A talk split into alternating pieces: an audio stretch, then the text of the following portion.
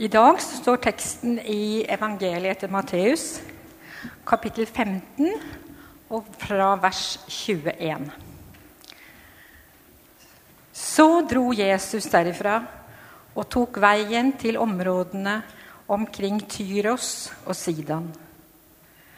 En kananeisk kvinne fra disse traktene kom og ropte, 'Herre, du Davids sønn, ha barmhjertighet med meg.' Datteren min blir hardt plaget av en ond ånd. Men han svarte henne ikke ett ord. Disiplene kom da og ba han. Bli ferdig med henne. Hun roper etter oss. Men han svarte, Jeg er ikke sendt til andre enn de bortkomne sauene i Israels hus. Da kom hun og kastet seg ned for han og sa, 'Herre, hjelp meg.' Han svarte, 'Det er ikke rett å ta brødet fra barna og gi det til hundene.' 'Det er sant, Herre', sa kvinnen. 'Men uh, hundene spiser jo smulene som faller fra bordet hos eierne deres.' Da sa Jesus til henne, 'Kvinne, din tro er stor.' Det skal bli som du vil. Og datteren ble frisk fra samme stund. Slik lyder Herrens ord.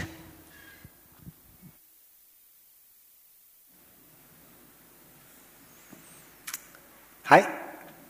Jeg heter Andreas.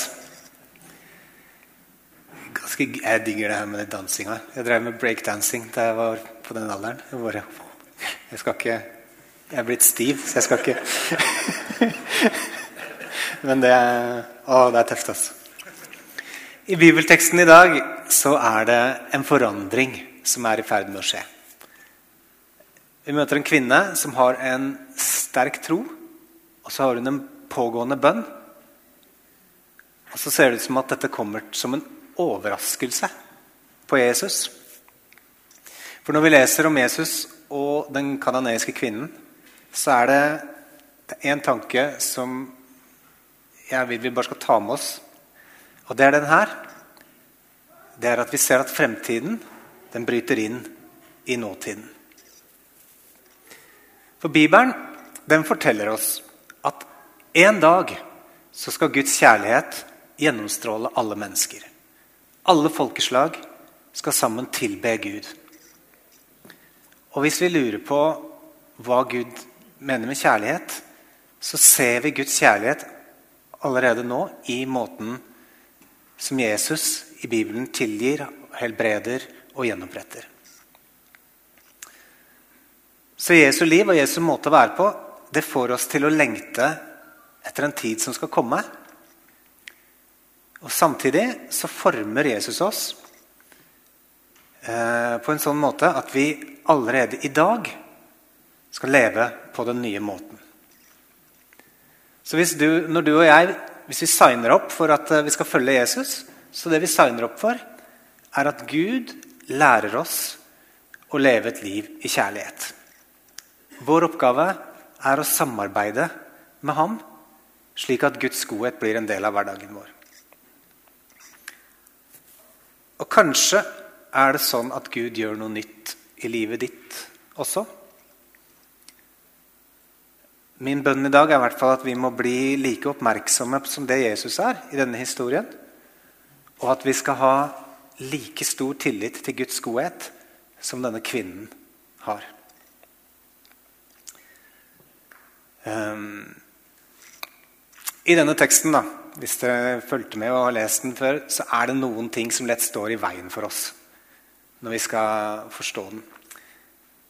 En av de store utfordringene i, i vår tid, og har vært lenge, det er eh, etnisitet og kulturell identitet.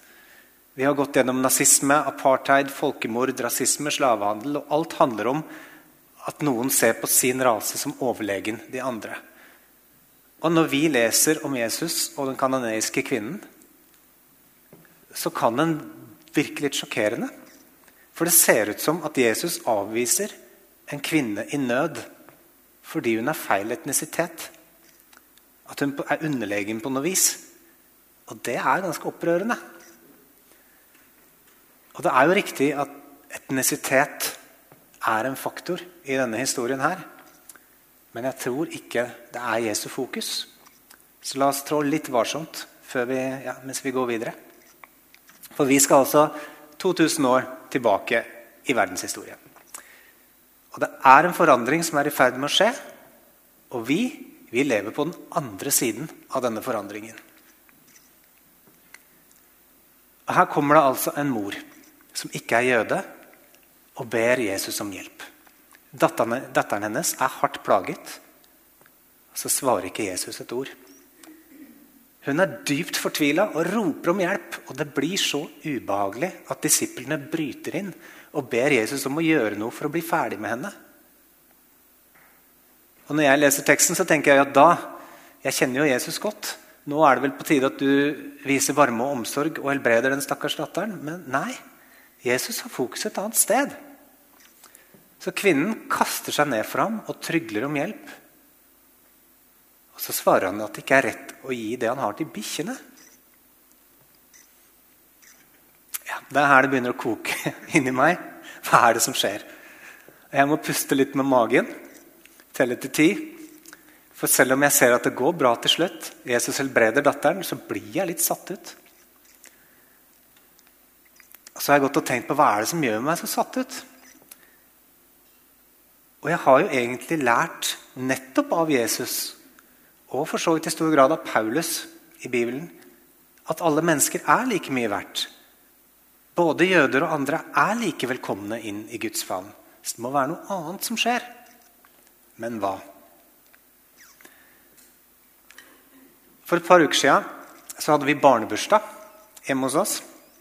Og På komfyren på kjøkkenet så sto det to kjeler. Det var én som hadde pølser med, av gris, og én som hadde kyllingpølser. Og Vi hadde to typer kjøtt fordi vi også inviterer våre muslimske venner. Vi inviterer alle til bords, og dypest sett så gjør vi jo dette fordi vi har lært av Jesus at vi skal elske våre naboer. Så jeg spiste pølser av gris, og en del av ungene spiste kyllingpølser. Men tenk på det. Hvis Jesus hadde tatt en tur ut av denne historien, som vi leser, og inn i vårt bursdagsselskap, så hadde ikke han spist pølser av gris, sånn som meg. Han hadde nok spist kyllingpølser. For Jesus og jeg er kulturelt ganske ulike. Og Hvis jeg skal forstå hva det er som skjer i denne teksten, så må jeg gå på besøk i Jesu tid og ikke prøve å få han til å passe inn i min hverdag. For Jesu fokus er nemlig et annet sted. Han er ikke opptatt av å diskriminere. Nei, han er fokusert på jødene. Guds folk må få høre at Gud nå endelig er i ferd med å levere på sine løfter. Det riket som de har lengtet etter i alle disse årene. Nå begynner det å bli synlig. Guds rike er kommet nær. Dette budskapet som Jesus reiser rundt med, det har alltid vært retta mot israelsfolket. For når Gud er i ferd med å redde verden, så starter han den prosessen med jødene. Gud har valgt seg jødene. Samtidig så viser dagens bibeltekst at han er i ferd med å vise seg og skape tro for flere enn israelittene. Gud er i ferd med å utvide sitt folk.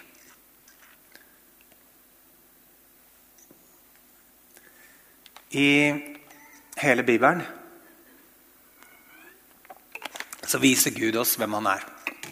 Gud vil la seg finne. Og så er Bibelen sånn at den lærer oss å leve på en sånn måte at Guds lys strømmer ut av oss istedenfor at vi skal skape mørke. Så kan vi se på Bibelen eh, litt som en sånn fra fra starten og over som en sånn sakte soloppgang. Hvor vi sterkere og sterkere får se hvem Gud er, gjennom at han viser seg for oss. Så kommer vi til Jesus, og da ser vi ham klarest fram til nå. Og Så forteller han oss at en gang i framtiden skal alle få se ham klart. Og I bibelteksten er det altså en forandring på gang. La oss starte litt med Jesus. Hva er det som skjer med han? Jesus er en fyr som følger med på hva Faderen gjør. Han sier det i Johannes, eh, brev, i Johannes evangeliet. Så sier han sønnen, altså jeg, kan bare gjøre det som jeg ser far gjøre. Det far gjør, det gjør også jeg. Så Jesu fokus, det er på det. Hva er det Gud holder på med? Og Det første han ser, det er at far holder på å kalle jødene tilbake. Jeg er sendt til de bortkomne sauene i Israel, sier Jesus. For Guds hjerte og løfte er at hans gode liv det skal strømme ut til verden via jødene. Så Jesus reiser rundt og viser at Guds rike er kommet nær. Det er nå det skjer. Det er mange kulturer som har regler for hva som er rent og urent. Både å spise og på andre måter. Og Sånne regler finner vi også i Jesu tid. Og Hensikten var å gi rammer for at det gode livet skulle få lov til å blomstre. Gud gir jødene rammer for at spiren av det hellige livet skal få vokse fram. Og en av disse rammene var at de ikke skulle ha så mye kontakt med de andre folkeslagene. For når jødene begynte å blande seg med disse folka, så sluttet de ofte å leve godt og følge loven. Fordi disse folkeslagene hadde ganske mye skikker som vi ofte i dag vil tenke på som både primitive og brutale. Så dette er liksom årsaken til at det er et skille.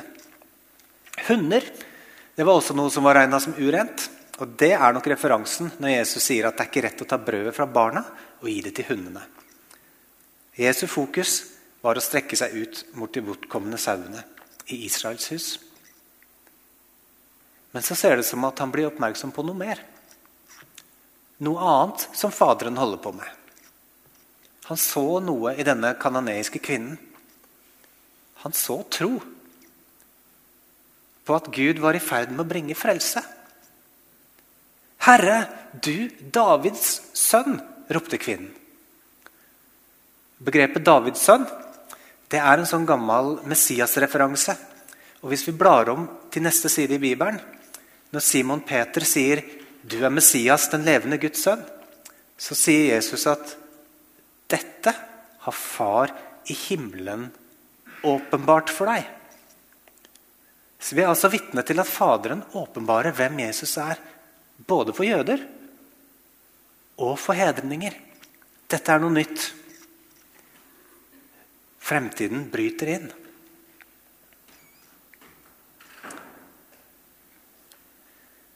Underveis i denne samtalen da, så blir Jesus oppmerksom på at Gud er på ferde.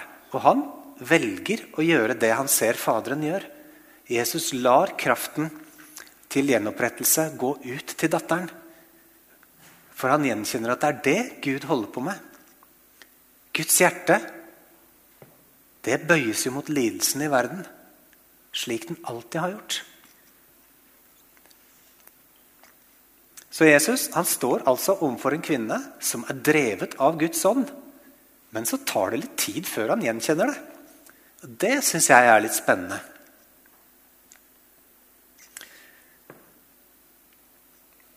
I vår tid og ofte så er det, snakk, er det snakk om at vi må ta riktige valg. Det snakkes om at verden går framover. Og vi kristne vi heier jo på det. Vi tror at Gud er aktiv i historien. Og så er det ganske mange forskjellige stemmer som prøver å fortelle oss hva den gode framtiden er.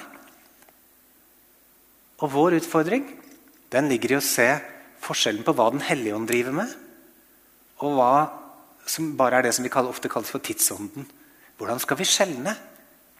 For hvis Gud skaper noe nytt, så er det jo vår oppgave å legge våre ressurser i den potten.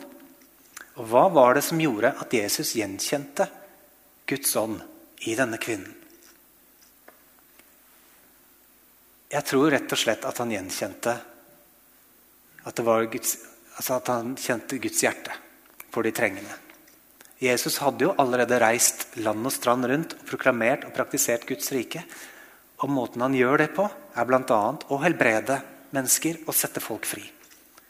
Og denne kvinnen hun hadde både sett og hørt Så Gud hadde vist seg for henne både gjennom Skriftene, som hun jo refererte til, og gjennom Jesus. Og Sånn tror jeg det er med oss også. Når vi bruker tid i Skriftene og med Jesus, så lærer vi å kjenne Guds stemme.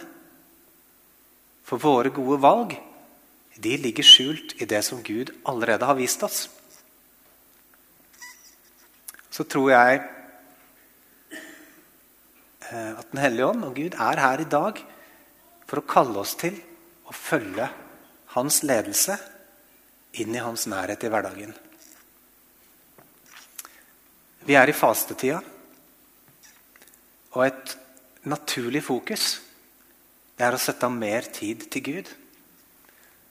Og å bringe Guds liv ut til de trengende. Jeg tenker at Vi har to forbilder i dagens tekst. Vi har Jesus, som justerer planene sine når han ser at Guds godhet strekker seg ut dit han ikke hadde planlagt.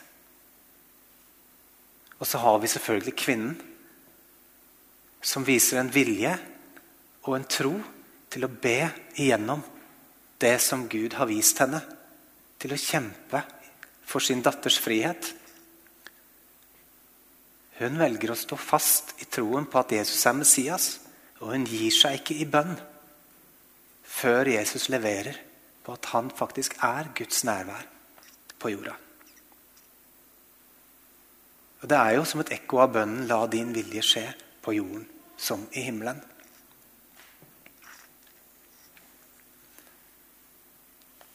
På slutten av 1700-, begynnelsen av 1800-tallet så var det en gjeng med troende engelskmenn som innså, og så ble de enige, om at slavehandel, det var ondskap. Og det måtte stoppe. Og de levde en tid hvor det var mange som ikke ville at det skulle endres. En kar som heter William Wilberforce, var den som var mest kjent av dem. Og han og vennene hans de ba, og de jobbet, og de viet livet sitt til at det som en gang ville bli fremtiden, at det måtte skje nå. Og I 1833 så lykkes de med å få politisk avslutta dette her i det britiske imperiet. Fremtiden brøyt inn. De første kristne, og særlig Paulus, kjempet og snakket og ba igjennom at de jødekristne og de hedningekristne skulle sitte ved samme bord. For det gjorde de ofte ikke. Det var en radikal kulturendring på den tiden. Og Jesus og Den hellige ånd åpnet Skriftene for dem. Og fremtiden den ville være en enhet hvor alle folkene sto sammen under Kristus. Og da må de jo pinadø starte å leve på den måten allerede nå.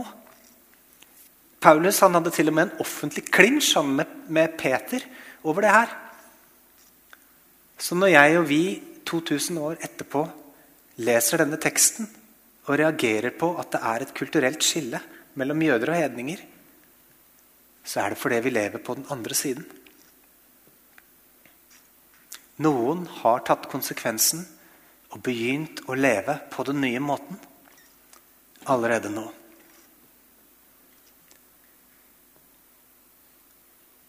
Jeg tror at Gud ønsker å gjøre oppmerksomme, sånn som Jesus, på å få med oss hva Gud holder på med i dag. Og like frimodige som den samaritanske kvinnen på å be og gå inn for ham for å få det til å skje. For vi som Jesu etterfølgere har begge disse rollene. Vi er både de som formidler Guds kraft og liv til andre, og vi er de som er avhengige av Guds berøring. Og i begge disse rollene så er vi drevet av Hans ånd.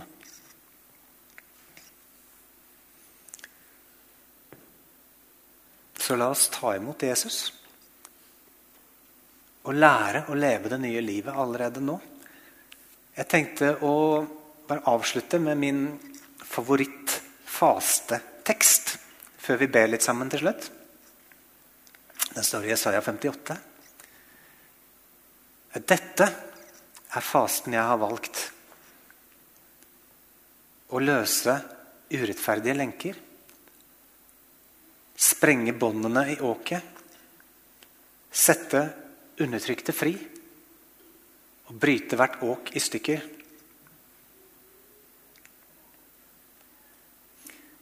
Å dele ditt brød med sultne. La hjelpeløse og hjemløse komme i hus. Du skal se til den nakne og kle ham, og du skal ikke snu ryggen til dine egne. Da skal lyset bryte fram for deg som morgenrøden. Brått skal helbredelsen komme. Din rettferd skal gå foran deg, og Herrens herlighet skal følge etter deg. Vi lærer altså både å lytte til Gud i denne teksten, og vi lærer å rope til Gud i denne teksten. Så hvis vi kan bare be litt sammen før vi går videre. Jesus, vi ønsker deg velkommen inn i våre liv i dag. Vi roper til deg og ber deg om at du må la ditt rike komme. La din vilje skje. La himmelen bryte inn. Vi kommer til deg som de desperate. Vi trenger så inderlig ditt liv. Vi trenger legedom selv, og vi trenger den for våre kjære.